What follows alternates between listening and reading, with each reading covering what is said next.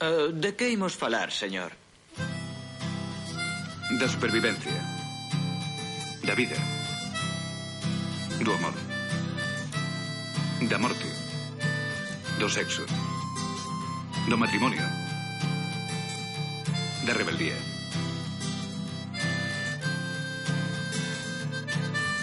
Xa de noite e a iluminación da cidade está ben pros verdadeiros fans do sol Se fose listo sabería valorar que hai mellor lugar. Que as boleiras da área central Son consciente de que hai xente que non está moi ben. Estamos xuntos na fin do mundo máis unha vez. E pensa intensa que podería ser a nosa festa baby, come on. Guetos gélidos asumen a existencia como Celta en segunda división, segunda división.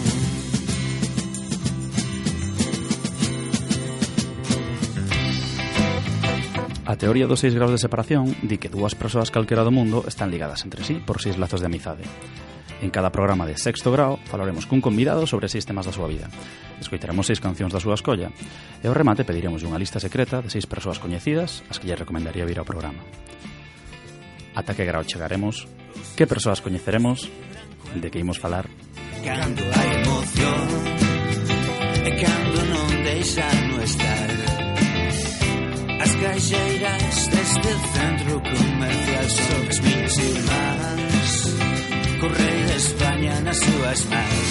Son consciente de que hai xente que non está moi ben É imposible ser normais unha vez máis E penso intenso que podería ser agora mesmo un saxofón. Notas sórdidas asumen a existencia como celta Segunda División, Segunda División.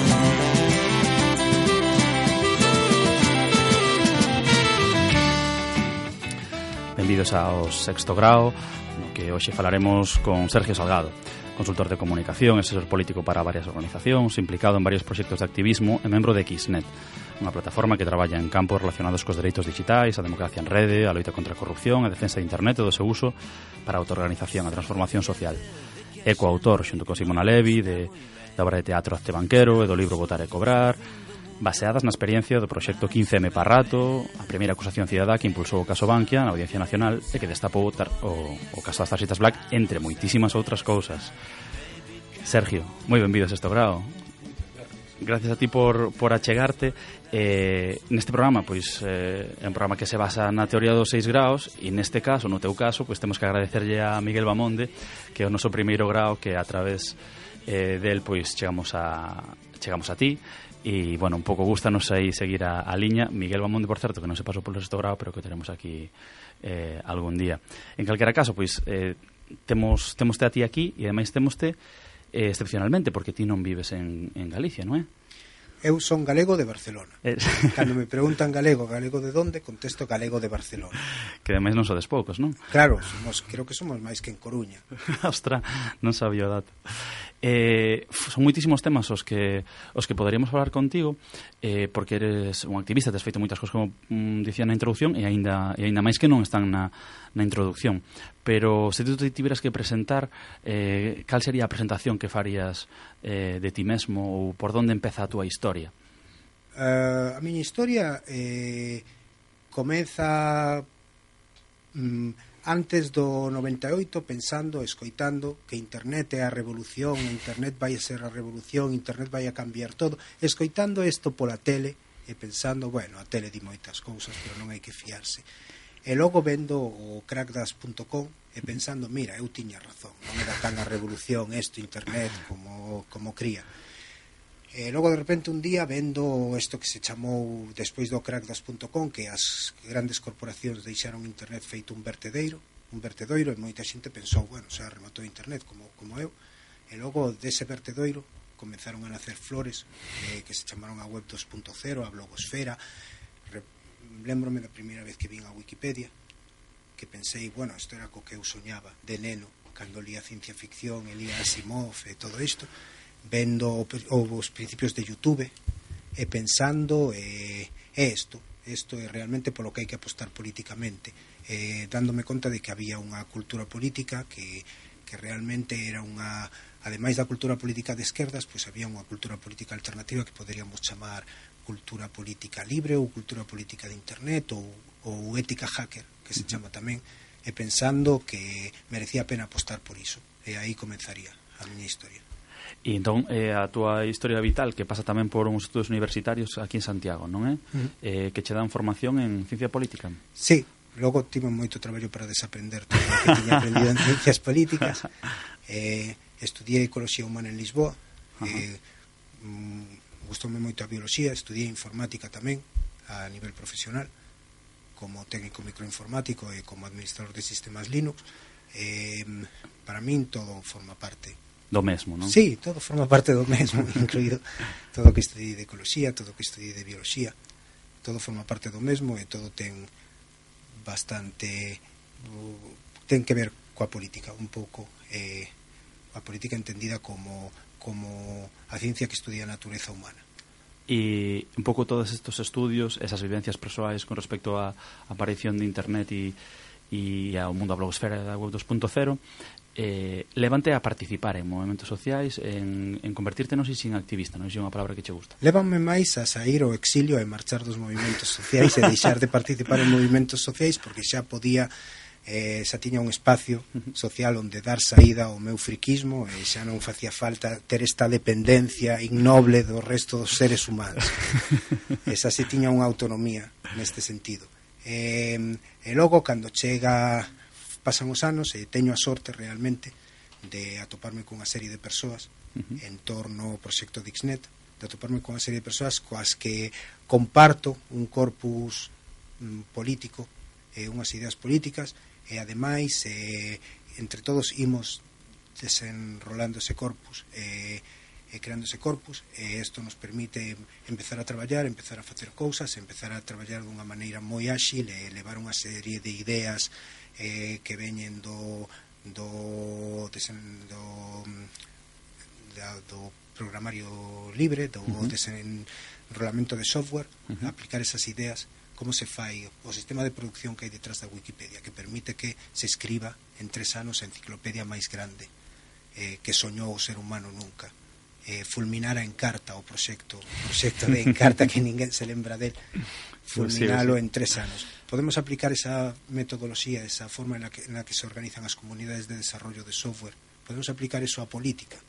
Eh, a topar, ter terá sorte de atopar unha xente coa que coa que te podes educar falabas ao, ao principio de que tiña feito moitas cousas o, o secreto dos homes incompetentes como eu é rodearse de mulleres moi moi competentes ese é o secreto para facer moitas cousas e esa é a sorte que teño chegado eh, pasados os anos. Esa comunidade un pouco de, non sei se é da mesma ideoloxía, non sei se é unha palabra que aplica neste caso, da mesma forma de ver o mundo, de ver a, a, a política tamén, non?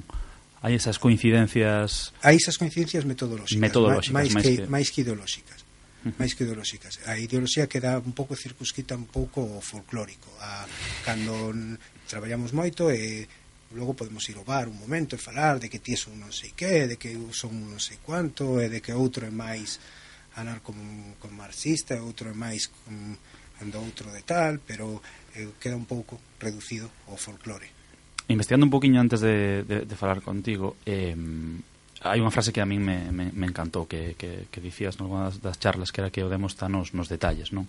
Que son nos detalles donde unha unha frase que pode sonar moi ben pois na, nos seus detalles de aplicación ao mundo real, pois pode ser unha maravilla ou pode ser un desastre, esa, sendo exactamente a mesma frase, non? E supoño que aí te refi eh, con eso te refires a isto que falamos de que a ideoloxía, a ideoloxía non é tan importante como a metodoloxía, non? Non sei se é algo que que é moi definitorio do, do movimento no que estás de Xnet, a importancia da metodoloxía e dos detalles. Sí, é o máis importante. Eh, de feito, é aí onde nos xogan, normalmente onde, onde, onde nos fan a xogada. Cale a xogada? A xogada é que, bueno, o importante, por exemplo, moitas veces na nosa cultura política tradicional de esquerdas, mm. moitas veces temos este problema de, bueno, o importante é estar todos unidos ou estar todos de acordo en non sei que, logo xa, xe, xa, xa se verá uh -huh. o que tal, e logo, cando xa se verá é cando teñen a, eh, non sei, por exemplo, no sistema electoral. Eh, sempre unha persoa un voto, eso non ten sentido persoa que coñeza como funciona o sistema electoral sabe que unha persoa un voto non, non ten sentido, ao menos, a menos que queiras que se independice Ourense mañá mesmo, así que o que pasaría que o que pasaría si cada persoa ten un voto. Eh, Pero onde está a trampa exactamente do sistema electoral? Cando analizas eh, que a circunscripción é a provincia, que hai dous escaños como mínimo por provincia, isto fai que haya unha serie de provincias de circunscripción que son circunscripcións candadas e que de saque o PSOE e o PP teñan 20 escanos uh -huh. en cada elección de, de punto de saída. Aí está o demo nos detalles. Logo podes falar moi grueso podes dicir cada persoa todos os votos teñen que valer o mesmo ou todos o tal ou temos que estar todos unidos temos que estar todos unidos, pero en torno a quen? Uh -huh. Eh, eh, é moi interesante, pero sí que me gustaría eh, que nos definieras un poquinho que, que é Xnet, non? Así un pouco máis formalmente. Bueno, eh, Xnet é un grupo de afinidade. Somos uns activistas que nos reunimos en torno a afinidade persoal. Eh, para crear un espazo de bienestar, non? o que estemos ben uns cos outros. E logo traballamos por obxectivos moi concretos Eh, é outra das características metodolóxicas que temos. Uh -huh. Mais que obxectivos comuns, trátase de obxectivos de ter obxectivos moi moi concretos. Uh -huh. eh, acabar co capitalismo é un obxectivo moi loable para levantarse polas mañás, pero non é un obxectivo concreto uh -huh. que que se que que xenere hipótesis de traballo. Sin embargo, eh, por unha denuncia a Bankia pola saída a bolsa e, e levar en cinco anos a rato a cadea, pois sí que é un objetivo concreto que xenera hipótesis de traballo, podemos empezar a facer isto e podemos empezar a facer outro. Entón, dependendo de objetivos moi concretos, eh, vamos creando proxectos, vamos abrindo os proxectos a outros grupos, vamos creando federacións con outros grupos, vamos buscando outra xente ou traballamos nós ou, ou uns participamos e outros nos, non participamos nesta porque non nos interesa uh -huh. eh, así como funciona Xnet eh, partindo desa desa metodoloxía desa cultura política un pouco extraña que temos xerado eh, nos últimos anos pois a verdade é que temos desenrolado volúmenes de traballo bastante incríveis ata o punto de que vistos desde fora pois parece que sexamos a cantos sodes claro, claro, cantos somos pois, pois non somos tanto e eh, logo tamén que outra das cousas da cultura política que temos é que non non temos esta militancia na que naces no Partido Comunista e casas no Partido Comunista tes fillos no Partido Comunista e os bautizas tamén no Partido Comunista. E se marchas do Partido Comunista isto é unha escisión, un drama brutal que aínda dentro de dúas xeracións aínda nos acordamos de que marchaches do Partido Comunista. Non, isto é un pouco máis relaxado. Non hai unha membresía escrita en pedra. Entón eh, cantos somos? Pois entre 4 e 40, pero como non vas a saber se si sodes 4 ou sodes 40? Bueno, é o que teñen as organizacións en rede, uh -huh. que, que o luns pola mañá pois somos 4, en outros momentos somos 40, pero en outros momentos podemos ser 4000 eh, eh, dependendo dos proxectos. Eu cheguei unha vez a Valencia e alguén me dixo, ah, eu son de 15 me para rato. Pois sí, porque axudei nesto, e eh, colaborei no outro, unha vez puxen 10 euros, a miña mellor inversión que fixen na miña vida. Eh, ou, ou e realmente eh, era parte, sentíase parte e facía parte. Eh, entón en determinados momentos de en determinados proxectos podemos ser miles e en outros momentos podemos ser dous. E que eu teño a sensación de que de que movimentos tipo Exnet eh, que veñen moito do, efectivamente do mundo hacker e, e, e da revolución digital do, do 2000 ou de, bueno, un pouco previo ao 2000 eh, redefine tamén un pouco o concepto de, de pertenza e de comunidade e de, e de identidade. grupo. Identidade. Sí. Que é como unha cosa un pouco máis difusa, un pouco máis, bueno, esta moda de chamarlle líquido a todo eso, non? Mm. Eh, entón, a hora de, de organizarvos, isto, supoño que isto tamén require de discusións, de participación e de transmitir os demais porque é algo novo, porque ser dun partido, pois sacas un carné, pagas unha cuota e xa eres do partido, pero ser de Xnet, como se é de Xnet, como se deixa de ser de Xnet, aí hai unha certa redefinición de costumes de organización política. Non? Desde un punto de vista máis político, eh, como se fai eso e como de difícil é facer eso e trasladar esa idea nova a, Ai, a xente? O, o, o duismo, o culto ao facer, uh -huh. eh, é bastante orgánico, eh, defínese facendo. Eh, e de repente alguén chega ali e non hai uns cauces diseñados eh, organ non hai uns cauces diseñados formalmente nos estatutos de que como se pasa a ser parte de Ixnet, quen é membro, quen non é membro, quen é dentro, que está fora, e eh, quen está fora e eh, onde está a liña exactamente. Eh, pero no facer eh, defínense todas esas cousas.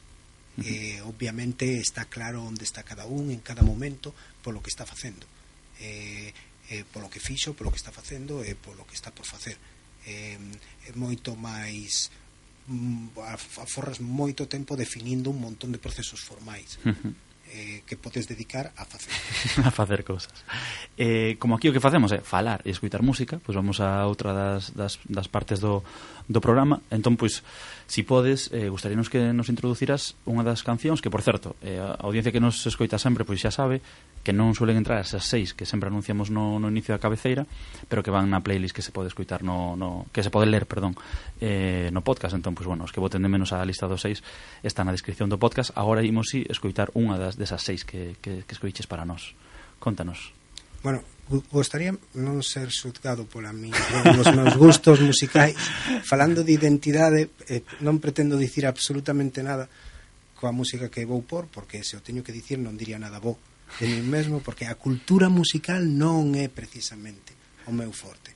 Entón, eh, a falta de cultura musical, pois tirarei de cultura política. Eh, escollín a Tim Minchin, que é un humorista, el mismo di de si sí mesmo que como humorista non é moi bo, como músico tampouco é moi bo, pero facendo humor musical sí que é moi bo. É un humorista australiano que que ten un humor moi, moi, moi fino, recomendo a xente escoitalo, recomendo a xente lelo, escoitalo con subtítulos, porque vai rir moito, eh, é un humor inteligente que a, a señal inequívoca da inteligencia é o humor. En esta canción fala do muro, de como continuamente establecemos dicotomías entre o bo e o malo, entre os terroristas e os heróis, entre eh, e que dice que todo é moito máis fino e eh, que non sempre hai unha valla que divide o mundo entre o blanco e o negro e que hai moitos grises, pero o di con bastante máis gracia do que estou a dicir. I was brought up in taffeta dresses and taught to be pretty and precious. Spending my playtimes with plastic princesses who all had those bodies just utterly ludicrous. Minuscule waists and huge boobs, and it's all nipple-less and no pubes and no creases. I mean, Jesus, it's pretty confusing, especially at six. In that fairy tale world, all the girls end up happy ever after, wooing their knights in shining armor. But some nights down the track, you can bet they'll be trapped, spending nights in shining armor. While their knights spend their nights at a bar or at a ball with some harlot, I'm not bitter. It's just better that I don't fall for all that romantic bullshit now that I'm older. Although I don't mind the thought of being tossed over a shoulder and trotted off to a mansion by some ruggedly handsome man in a fireman helmet and have him just use me for sex. As I say, it's a little complex. One day, someday, my prince may come, but it doesn't seem likely. And even if he came and he liked me, it's likely he'd be not quite my type. Someday, they say he'll come riding up on the back of a horse. But of course, I'm allergic to horses. How will I tell him? He'll just have to sell him. I went to school with a girl. I remember her well. She was pretty smart and pretty as hell. Her folks had a farm, but she wouldn't stay, of course. She wanted Prince Charming, so she went to LA, of course. Managed to seduce a famous actor or producer. Shacked up in a house in the hills with a cat and a juicer and a fancy car and a tennis court.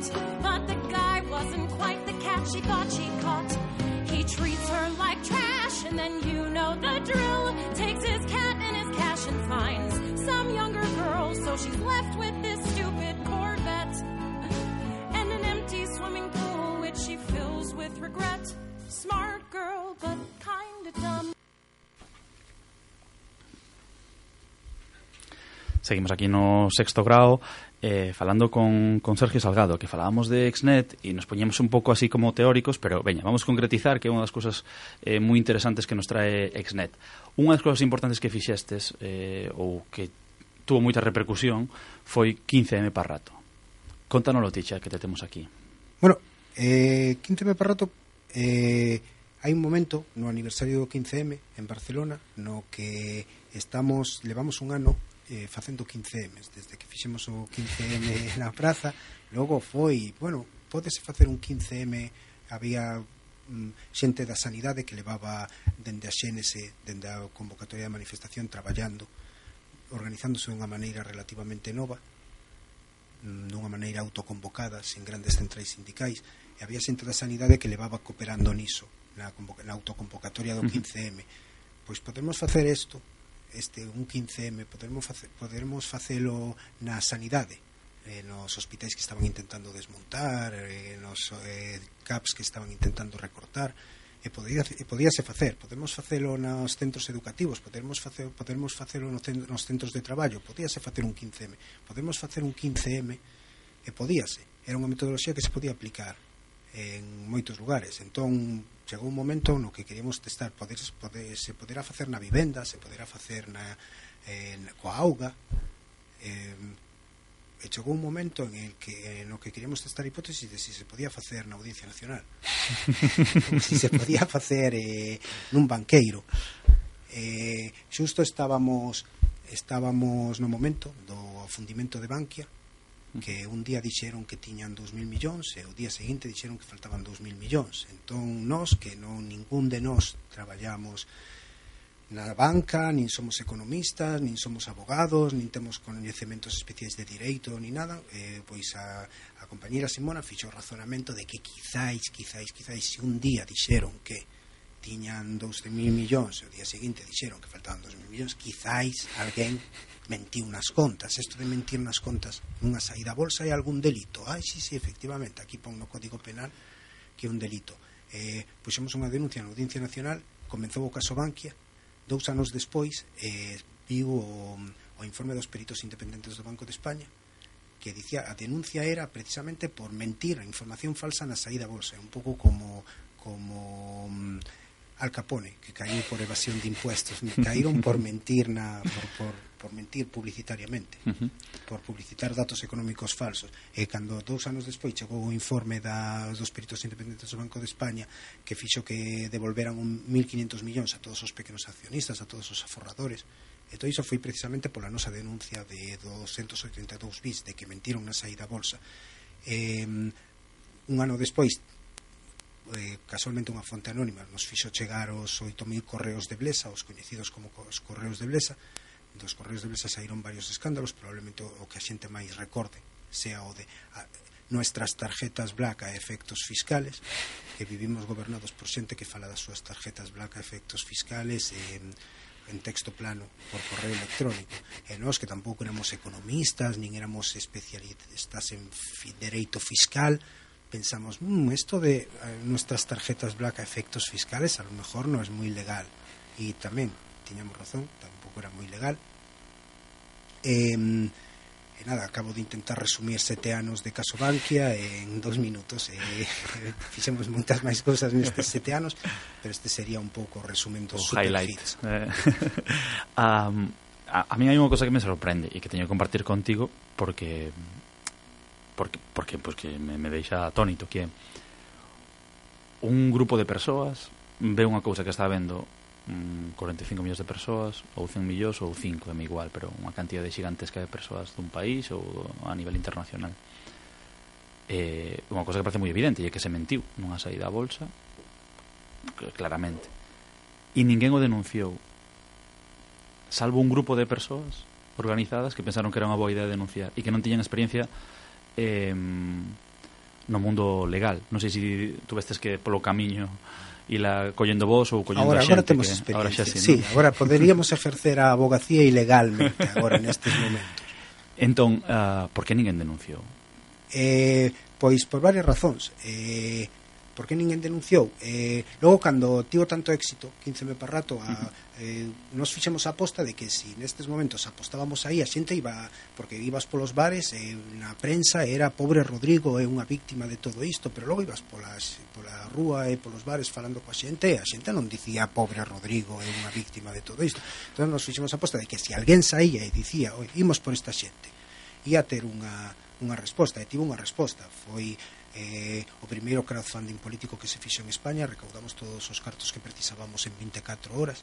Eh, hubo unha resposta. E logo entón sí que se apuntaron eh, diferentes partidos políticos a, a extinta UPD, UPID, por exemplo, apuntouse tamén a denunciar a Bankia, eh, logo Izquierda Unida apuntouse a denunciarse a sí mesma porque, porque hai moitos apuntados. Pero o juez, eh, o juez eh, rechazou o, o a denuncia de Izquierda Unida porque eh, era, era denigrante directamente para as víctimas de Logo sí que se apuntou moita xente, pero claro, nese momento non se apuntou ninguén. Fomos nos os únicos que saímos. Eh, pois non, non sei, eh, quizáis porque por un lado, eh, obviamente ninguén iba a denunciar isto porque está todo o mundo estaba todo o mundo desde as dúas grandes centrais sindicais ata o secretario da súa majestade eh, Felipe VI, o secretario persoal, ata o PP, o PSOE, Izquierda Unida Madrid, eh, la Cruz Roja, eh, bueno, estaban absolutamente todos, por lo tanto ninguén o vai denunciar. E respecto a xente como nós, a xente que non é de ningún destes grupos eh, pois temos moito a conciencia de que alguén o debería facer e a conciencia de que ten que vir algún alguén que nos que sexa esperanza e que o faga en lugar de facelo nos é un cambio de cultura política que acho que ese é a mensaxe que pretendemos transmitir realmente que hai que facer este cambio de cultura política e non esperar a que ninguén eh, nos solucione nada, sino facelo nós, porque senón temos un problema de mesianismo grave e eh, eh, estaremos sempre caéndonos do guindo porque ao final eh, creíamos que tal era diferente pero ao final era como a todos. Claro que era como todos, todos estamos feitos da mesma natureza humana e todos somos iguales.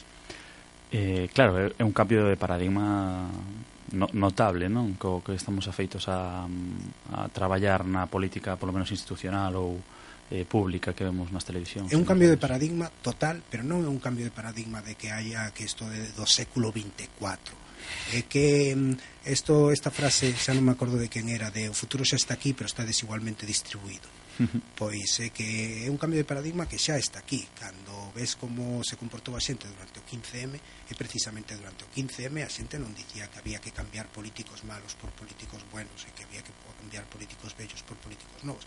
A xente o que dicía que o problema era o sistema e o que había que cambiar era o sistema. O que había que cambiar era a maneira de facer as cousas. Logo outros outros que se apropiaron do 15M dixeron que o que había que hacer, facer era cambiar os outros que eran malos, facer outra vez todo o mesmo, pero nós que somos vos. Por lo tanto, as cousas van sair diferentes. Pero isto non era o que a xente, eu penso que que é unha cultura política, é un cambio de paradigma, pero que vai costar moito máis cambiar ese paradigma nas cabezas dos políticos que non queren que as cousas cambien que nas cabezas da xente que a xente xa está facendo este cambio de cultura política fai moito tempo.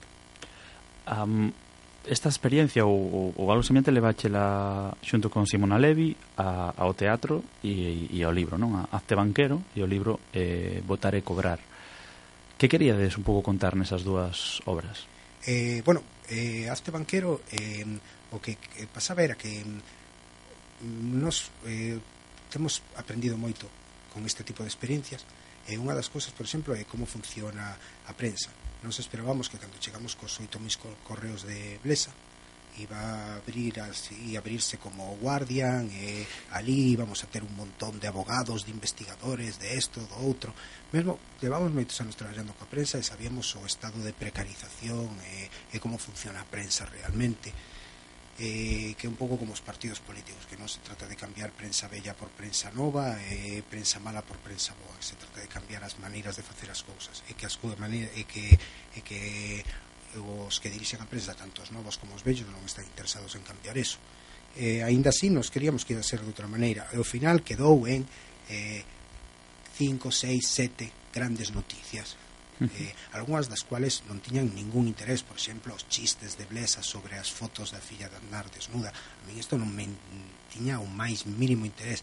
Eh, nos estamos vendo os 8.000 correos de Blesa estamos vendo que contaban unha historia que era como estar lendo a bitácora da sala de máquinas sobre como se como se funde un país como se como se eleva a quebra un país. Eh, estábamos vendo todas esas historias, todas esas conversacións faladas por eles mesmos, e que iso tiña un montón de interese e eh, que a eh, prensa xa non xa non por certa perversidade ou por certa precarización da prensa ou porque o sistema non o permita, sino pola propia natureza da prensa, a prensa sempre buscará o titular tampouco vamos uh -huh. culpar a prensa por buscar o titular. Pola propia natureza da, da narrativa da prensa, eh, non se contaba iso. Entón, eh, Simona é directora de teatro, lembrouse de que era directora de teatro, de que de feito tiña unha carreira impresionante como directora de teatro, tiña varios espectáculos que tiveran moitísimo éxito. Eh, eu son documentalista, eh, dedícome a documentar cousas, non documentalista de facer documentais, documentalista de documentar, de documentar textos. Entón dixemos, vamos a facer unha obra de teatro, unha obra de teatro de datos. Acabábase de, de, de justo, justo nese momento estábamos vendo a obra de teatro de Bárcenas, mentras facíamos e dixemos, mira, o mesmo agora cando vemos un montón de, de series en Netflix, en HBO en tal, que son este tipo de ficción pero eh, en lugar de facer algo que queres facer con un documental eh, con un documental quizáis eh, será máis eh, fidedigno, pero chegará moita menos xente Uh -huh. e facendo ficción e facendo máis en eh, non ficción desta que poso principio eh, está basado en feitos reais pero cambiando algo para que... Non, eh, fixemos isto todo o exacto que puidemos hmm. fixemos unha reconstrucción todo exacto que puidemos. De feito, nas partes eh, normais da obra de teatro son as partes que temos que inventar, pero as partes extraordinarias que ninguén se cree son as partes que están copiadas. Os diálogos da obra de teatro son os correos de Blesa.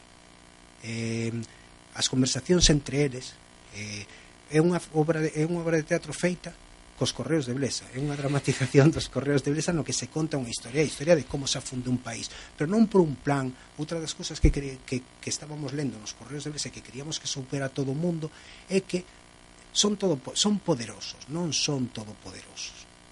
Porque moitas veces a teoría da conspiración o problema que ten é que, é que dota a esta xente de unha omnisciencia que non podemos loitar contra eles porque esta xente é superior, está en todo e o sabe todo e o controla todo. Cando en realidad o que vemos nos correos de Blesa non é xente especialmente capacitada. O que vemos é que este é o resultado dunha mezcla de gula, de soberbia, de ignorancia e de fuxida hacia diante tentando tapar unha estafa con outra estafa con outra estafa ata que pete todo. E de avaricia, sobre todo. E de avaricia, e de avaricia, ese era o ingrediente que faltaba.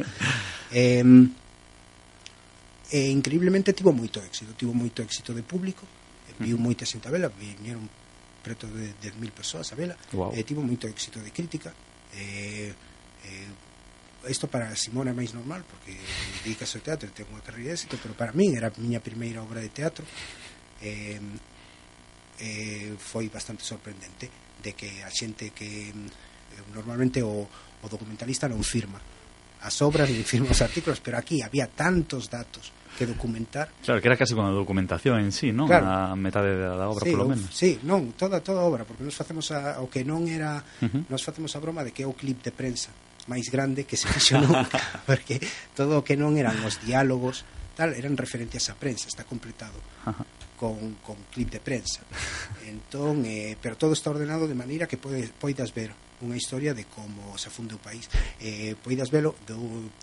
facelo dun xeito documental sería máis tradicional ou sería uh -huh. máis tal, pero chegaría menos xente a xente saía unha mezcla de mm, eu era paisón xusto que queríamos suscitar porque moitas veces na cultura tradicional que temos da esquerda moitas veces eh, non sabemos celebrar as victorias non sabemos eh, sempre estamos tristes e sempre estamos enfadados aquí a xente ría que é importante eh, non ver a esta xente como todopoderosos uh -huh. a xente como que son e saían eh, moi enfadados eh, sorrindo, era un pouco como Gila cuando ti eh, me habéis matado al hijo pero me he reído pois pues aquí a xente saía dicindo saio con ganas de ir a quemar o banco pero cun sorriso e, e o libro? Pois o libro, eh, basicamente, queríamos deixar a constancia, por un lado, do texto uh -huh. da obra de teatro, sí. e por outro lado, de de toda a metodoloxía para que a xente non se pense que, que somos un grupo de xente cuns recursos especiais ou cunhas habilidades especiais ou cunhas, cuns skills uh -huh. especiais e que claro, porque logo a xente eh, ven eh, moitas veces temos xente que nos di o que tedes que facer agora é denunciar a fulano o que tedes que facer agora é denunciar a mengano agora é que hai que ir por citano eh, nós pensamos, ese non é o espírito ese non é a mensaxe que, que queríamos transmitir. Uh -huh. eh, a mensaxe que queríamos transmitir é eh, do it yourself, que é outro, outro, outra das señas da nosa cultura política, faino ti mesmo.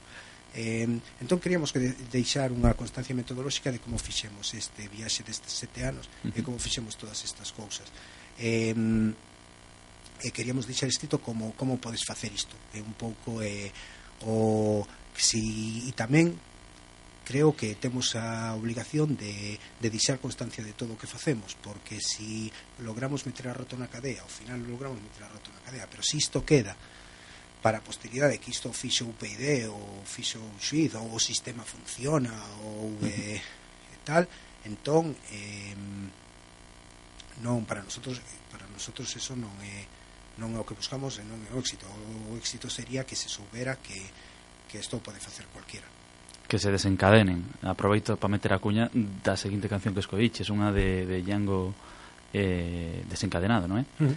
eh, por que escoiches esta canción? Preséntanos un poquinho. Bueno, o mesmo, vou, volto a pedir disculpas outra vez, o mesmo que antes, porque xa que non podo tirar de cultura musical, pois tiraré de cultura política. Esta me parece unha das películas de cine político é increíble con todos os directores europeos que poden facer unha película de cine político moi pedante ten que vir Tarantino a facer a película política da nosa xeración e da nosa década que é Django desencadenado. E, e políticamente é unha película brillante por moitísimas, moitísimas, moitísimas razóns. E incluso protestaron algúns cineastas negros protestaron nos Estados Unidos porque Tarantino non tiña que falar pola comunidade negra pero que hai cousas dunha, dunha exactitude que nunca se viron políticamente en ningunha película eh, e ten que vir Tarantino a facelo. Eh, hai un momento no que no que mm, lle di, pero realmente vasme pagar por matar negreiros. Como Dios, é o mellor traballo do mundo. Cobrar por matar Faría gratis. Machacar, machacar bastardo eh, e nada, é unha película moi empoderante é unha película está un pouco a enerxía a enerxía e os mitos que necesitamos e as paixóns que necesitamos para sair a loitar, non estas paixóns tristes, estas paixóns de sacrificio, eh, estas paixóns de martiroloxio que temos moitas veces, máis é eh, a alegría de, de cobrar por matar negreiros.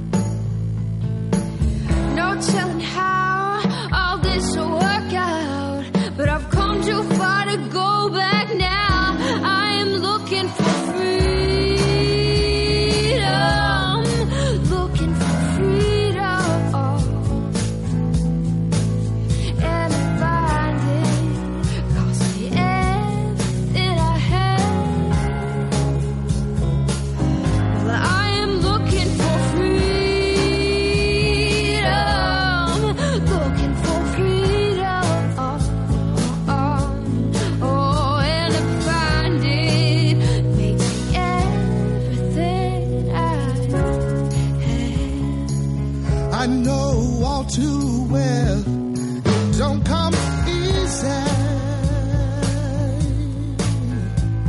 The chains of the world, they seem to move in time. I tried to walk around it, but stumbling so far.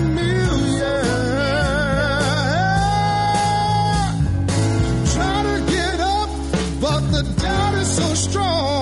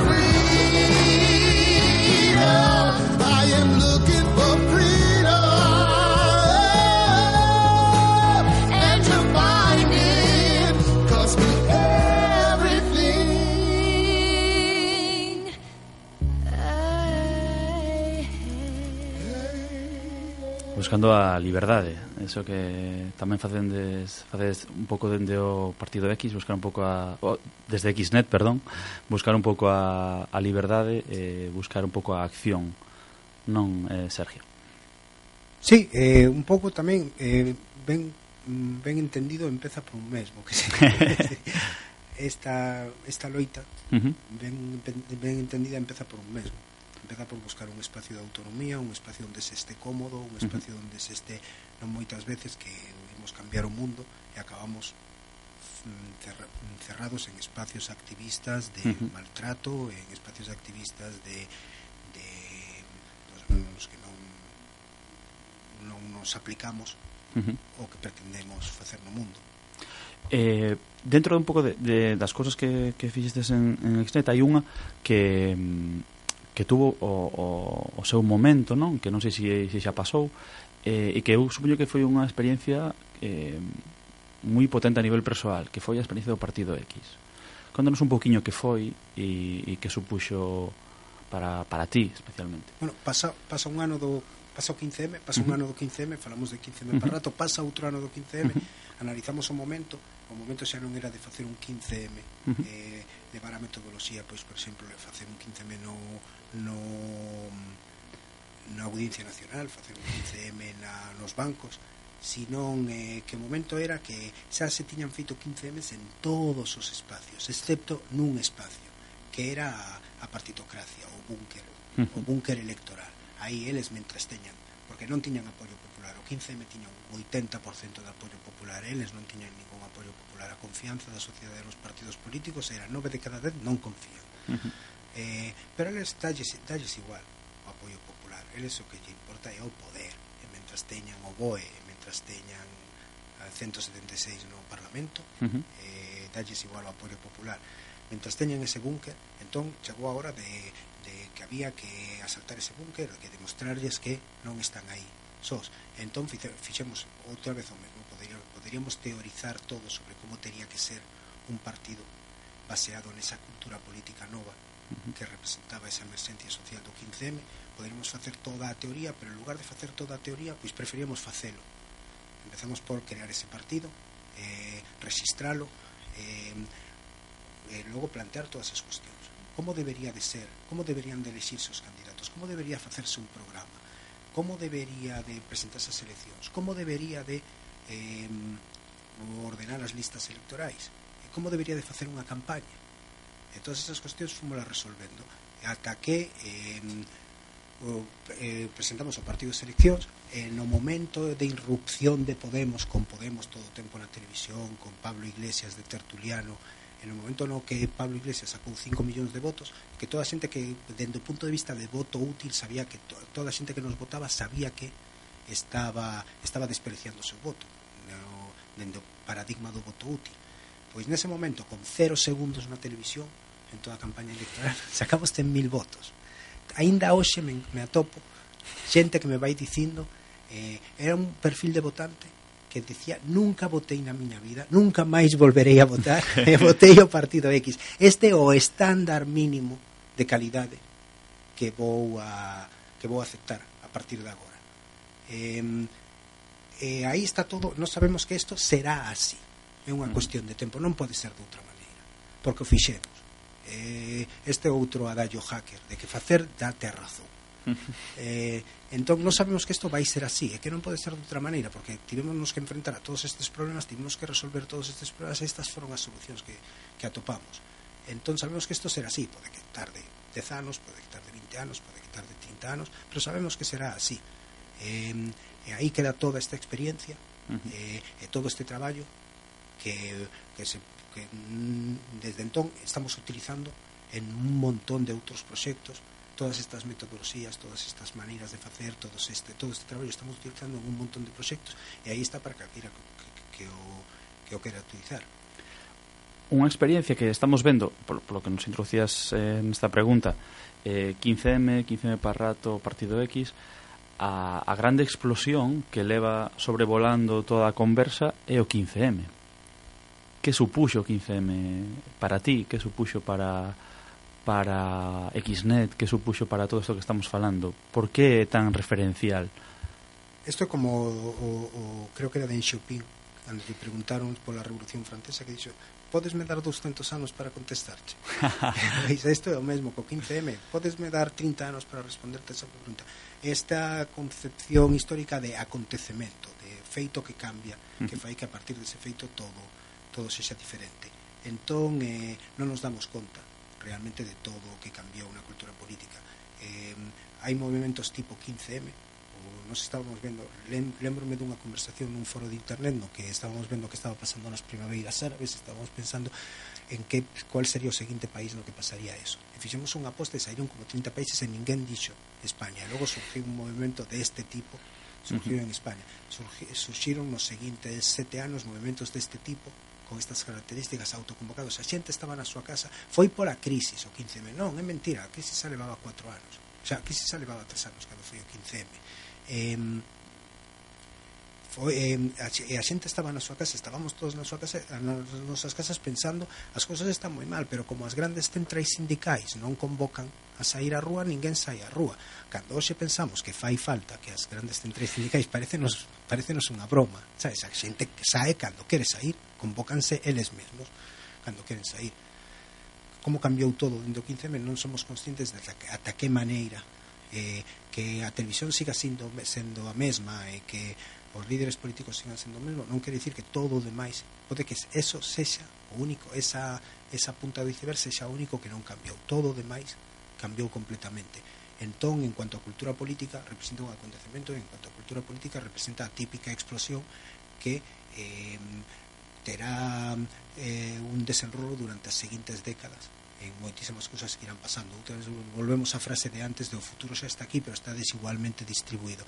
Podemos ver nun estallido todo o que vai pasar eh, igual que se na Revolución Francesa se pode ver todo o que pasa no século XIX ou na Revolución Rusa pode se ver todo o que pasa no século XX na Revolución Rusa na de Febreiro non na Revolución Rusa na de Outubro eh, no, eh, nos movimentos tipo 15M que hai en moitos países pode verse todos os problemas, pero tamén os avances, os cambios que haberá nas seguintes décadas. Eh, é o que estamos vindo neste tempo.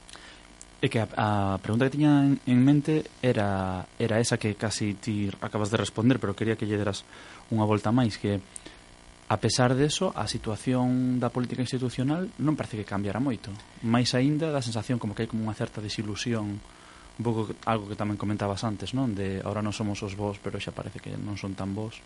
Eh, a mellor a política institucional é o único que non cambiou, e todo uh -huh. o resto cambiou. Eh, tamén é moi difícil percibir eses cambios, sobre todo unha vez que pasan. Todo pode cambiar e todo pode cambiar tan gradualmente que non nos damos conta de que todo cambiou. Eh, eh, o mellor eh, apostamos, eh, fixemos unha aposta equivocada.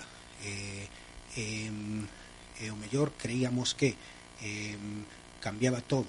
Eh, por exemplo, por exemplo no panorama electoral. Eh, o panorama electoral ten a súa propia lógica, porque a lei electoral ten a súa propia lógica e ten unha lógica un pouco caleidoscópica que se lle poden dar voltas e tal, pero aquí estamos outra vez no momento no que estábamos a punto de recuperar este bipartidismo imperfecto que tiñamos tal con eh, Pablo Iglesias de líder da nova Esquerda Unida que era o que quería eh, Esquerda Unida no, no chan de Cayo Lara de uh -huh. dous, tres, cuatro escanos como moito eh, o PP o mellor refúndese eh, fúndese con Vox e tal e cual, pero outra vez esta lógica caleidoscópica sí. que todo volta ao mesmo. Eh, eh, o mellor que eso eh, ten a súa propia lógica que non é a lógica da sociedade. Obviamente unha das cousas que di o 15M é que a, eh, esta, esta lógica que teñen moitas veces o país no seu libro de estilo que, que política é o que fan as, os diferentes grupos parlamentarios. O extraparlamentario non é política. Na sección de política aínda fai 4 ou 5 anos podías ver só noticias protagonizadas por actores parlamentarios. E o 15M rompe esa lógica, non, non, política é precisamente o que está a pasar fora dos parlamentos, o que está a pasar dentro dos parlamentos é un circo de pouco interese eh, que non tal. Eh, é o mellor que, que todo volte outra vez a mesma, a mesma tranquilidade no circo parlamentario eh, non significa que nada cambiou, o mellor significa que todo cambiou menos o circo parlamentario. Estamos chegando ao remate e eu que estou disfrutando moitísimo e, e gostaría de multiplicar por tres eh, o tempo. Eh, de feito, convidámoste para que nos volvas visitar cando volvas outra vez por, por, por Galicia. Eh, e un dos últimos temas que quería tratar é a, a actualidade de, de Xnet e, sobre todo, a sensación un pouco dende fora de que estás traballando sobre todo na parte dos dereitos eh, en Internet, non? Non sei se isto é así, entonces é unha pregunta doble. Dereitos en Internet eh, e presente e futuro de Xnet moi ben o de dereitos en internet porque eu sempre di, digo que o de dereitos digitais os dereitos digitais non existen existen os dereitos civis uh -huh eh, en internet e fora de internet porque moitas veces o que pretendo poder é precisamente crear este estado de excepción. Hai unha liberdade de expresión e para, para prohibir unha publicación pois ten que vir un suiz e ten que dicir que ten que haber un proceso garantista e tense que respetar os dereitos humanos pero para fechar unha página web isto pode facer cualquier alcalde cualquier comisión administrativa sinde ou cualquier sargento chusquero xa pode cerrar unha página web. Este internet como espacio de excepción. Hai que aprobar leis por las, por las cousas que suceden en internet. Non, xa temos leis que teñen que servir para internet, para fora de internet. Nós uh -huh. estamos sempre en contra desta excepcionalidade con respecto a internet. Eh, defendemos internet por como campo de batalla, eh, como lugar no que hai que lutar, como, como herramienta, como ferramenta básica que temos para a autoorganización. Eh, ata o político máis tonto se deu conta xa de que internet é un problema para manter o statu quo Eh, sempre que hai algún tipo de revolta, agora en Sudán ou outro oriental, sempre o primeiro é cortar internet. E aínda así, dende a esquerda, seguimos pensando, non, internet é das multinacionais, é para ter a xente controlada. Internet é moitas cousas, e será o que queramos que sexa. Eh, eh, non, non debemos eh, cando pensamos que internet é unha ferramenta das multinacionais para ternos, para ternos controlados bueno, estamos conver, confundindo internet co Facebook ou con Google ou que é precisamente o que Facebook e Google queren que confundamos que pensemos que eles son internet directamente. Entón eh, hai cousas como por exemplo a liberdade de expresión que nestes momentos eh, vemos as diferentes áreas políticas loitando por recortar a liberdade de expresión do outro que ninguén defende o dereito como dereito todo o mundo quere movelo un pouquiño para que non protexa o que non lle gusta entón alguén ten que defender a liberdade de expresión en internet como para todo o mundo claro. eh, xa non hai unha cultura realmente está se perdendo a cultura política de defensa da liberdade de expresión de defender eh, alguén co que non, está, non estás de acordo. Nos agora, por exemplo, saímos varias veces a protestar contra a proposta de lei contra a LGTBI-fobia, porque contén elementos eh, que criticamos cando se introduciron a lei Sinde e agora os criticamos agora. Eh, isto ninguén de esquerdas ninguén de esquerdas vai a criticar estes elementos concretos da lei contra a LGTBI fobia que son os mesmos elementos que criticamos cando, cando se introduciron na lei Sinde entón eh, parecenos moi triste que ten un, un triste futuro un dereito que, que ninguén defende para todo o mundo que todo, todo o mundo cree que te recorten o do lado como a libertade de expresión. Entón eh, este, todas estas cuestións que para nosotros non son básicas como a neutralidade da rede, a liberdade de expresión en internet, os dereitos civis en internet, creemos que son básicos, básicos, que son como prerequisito para todas as demás loitas, para loitar pola vivenda, para loitar por, pola sanidade, que creemos que é un traballo que hai que facer, que queremos facer e que nos gusta facer. E que estades facendo. E que estamos eh, Sergio, foi un placer enorme. Eh, temos que deixar aquí E antes de, de despedirte, eh, tenos que presentar a canción coa que rematamos o programa. Bueno, antes de presentar a canción, gustaríame tamén dar as gracias. Ah, por suposto. Dar as gracias a Miguel por invitarme, dar as gracias a vosotros, a vos por, por aloxarme eh, pedir disculpas polo meu galego que dende que marchei daqui pasou por Lisboa pasou por Brasil, pasou por Guinea-Bissau e pasou por Nou Barris en Barcelona o sea, que xa ali... Está super en forma, nada, esquece sí, sí, ainda podería falarme yo co, co presidente. Para eses estándares sí, para o resto dos estándares non, non está mellor. E nada, é unha canción que me gusta moito, é unha canción revolucionaria, yidis, eh, do século XIX. Eh, eh, fala, mm, bueno, basicamente, eh, eh, abaixo a policía do, do Zar. Abaixo a policía e abaixo o Zar. En Yidis é unha canción rusa eh, fala dunha historia que foi borrada completamente. Eh, como Napoleón borra a Revolución Francesa como os bolcheviques borran a Revolución Rusa como Podemos borra o 15M eh, eh, temos a obligación de escribir a nosa propia historia e escribir a historia do que fixemos para que non a escriban os comisarios políticos e para que non se borre cómo, cómo, cómo se borró esta historia de estes revolucionarios judeos eh, de Rusia do século XIX. Pois pues con esta reflexión final e coa canción deixámolo. Eh, novamente, Sergio, moitísimas gracias pola, Moitas po, polo convite. Queda aberto para unha segunda eh, ocasión. E a todos vos, gracias por estar aí do outro lado da sexto grado Na sintonía de Radio Campus Cultural.